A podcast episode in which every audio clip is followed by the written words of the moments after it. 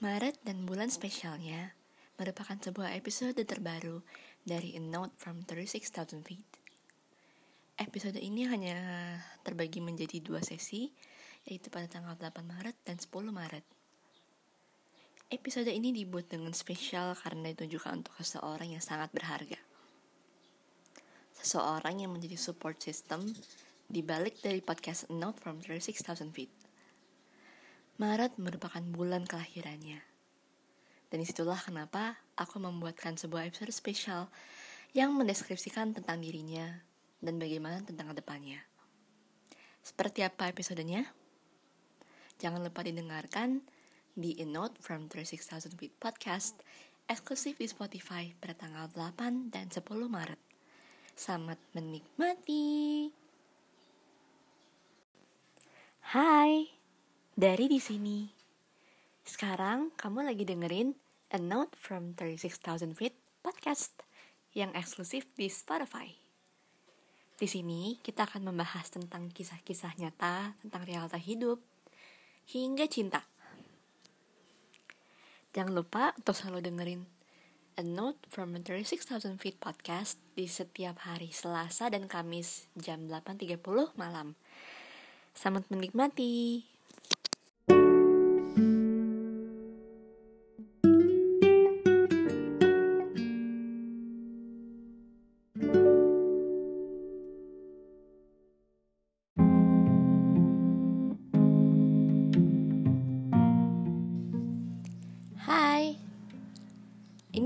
Merupakan episode pertama dari episode series Maret dan bulan spesialnya. Kenapa ini episode pertama? Hari ini tanggal 8 Maret, di mana tanggal penayangannya akan terjadi hari ini. Sebenarnya ada sejarah dari pembuatan podcast ini. Hal itu dikarenakan bahwa salah satu timku atau yang bisa dibilang sebagai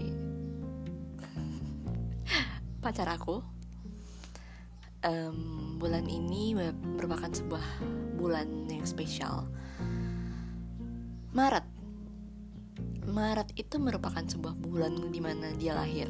Ya, bulan kelahirannya bulan di mana harusnya menjadi sebuah momen yang spesial, momen yang dirayakan dengan sangat sederhana. Ya, aku suka kesederhanaan karena kesederhanaan sendiri membawa kebahagiaan yang sesungguhnya, di mana kebahagiaan itu diberikan secara tulus tanpa ada paksaan. Itu yang aku suka darinya. Hari ini aku dan dia menginjak hubungan selama 32 bulan. Lama juga sih. well, I learned a lot of things from this relationship. I mean, like we have a lot of fight and also we have a lot of things to learn about. Jadi kita nggak cuma banyak tengkar, tapi kita juga banyak belajar dari sebuah kejadian yang kita berdua alamin. Entah itu kejadian ringan atau berat ya. I mean even a big mistake can be fixed by us. I don't know, but I really hope this thing could be still like this dan gak akan ada perubahan ada sih cuma maksudnya lebih di upgrade gitu lebih di update tentang um, rencana ke depannya. Rencana hubungannya mau seperti apa? Apakah akan ada keseriusan di balik hubungan ini? We don't know. We really don't know. Dan aku to be honest 32 bulan itu it's not easy. Bahkan sama sekali nggak ada kata gampang. Tiap hari itu harus ada banyak yang kita koreksi. Koreksi kesalahan, koreksi bagaimana cara menanggulangi hubungan yang sebenarnya kita nggak mau mengantisipasi hal-hal yang sebenarnya kita nggak mau juga terjadi mengurangi pertengkaran yang seharusnya kita nggak lakukan. Tapi nggak tahu kenapa ya. Nggak tahu kenapa kok kayaknya kalau ngeliat hal-hal kayak gini mungkin ketika sudah dewasa atau ketika kita berdua sudah menikah nanti mungkin ini akan menjadi hal-hal apa, apa ya namanya sebuah kenangan manis yang bakal kita tertawakan. Hanya kita berdua yang akan tertawakan karena kita juga nggak paham kenapa. Nggak pernah expect bahwa oh ini bakal terjadi. Oh ini nggak akan terjadi. Dan semacamnya. Namanya juga masa depan. Cuman Tuhan yang bisa mengatur. Tuhan dan semesta yang bisa ngatur. Tapi ya itu sih. Satu-satunya doaku sama ini adalah uh, maksudku doa aku setelah aku pacaran sama dia adalah semoga kita bisa bertahan terus. Semoga dia bisa lebih sabar karena sebuah hubungan gak akan berarti tanpa adanya kesabaran. Kesabaran dalam menerima setiap kelemahan yang kita punya. Itulah kita.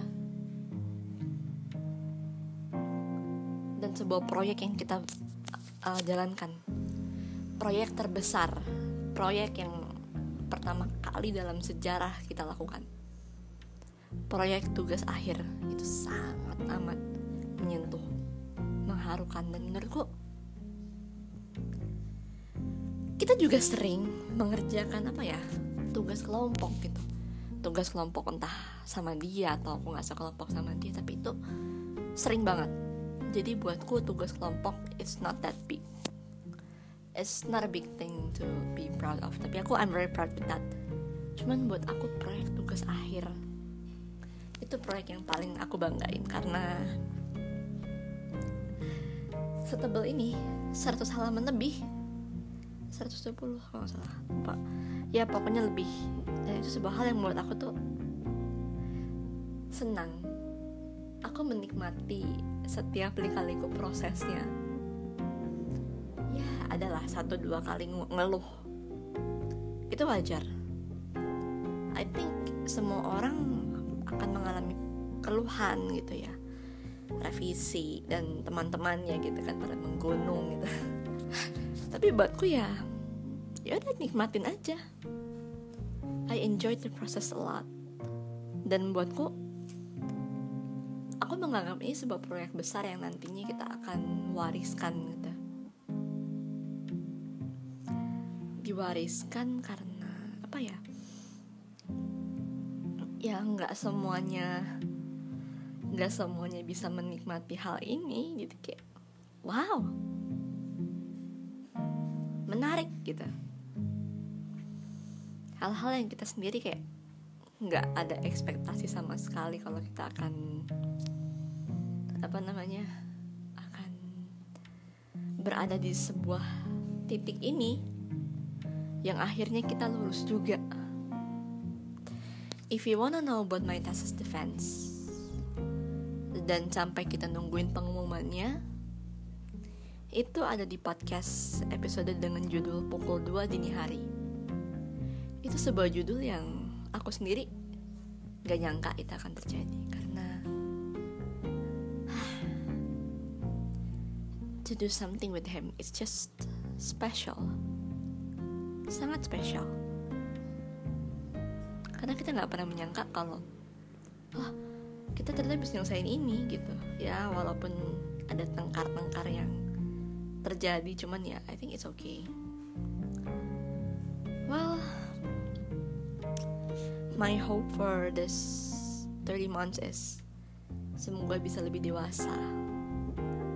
Semoga kita lebih mengerti dan bisa lebih apa ya bisa lebih memahami satu sama lain pertengkaran itu wajar tapi yang penting cara penyelesaiannya seperti apa aku dan kamu versus masalah bukan aku aku versus kamu itu yang selalu kita terapkan dalam menjalani sebuah hubungan dan I hope kita masih bisa menerapkan ini sama-sama I love you so much. And yes, I really miss you.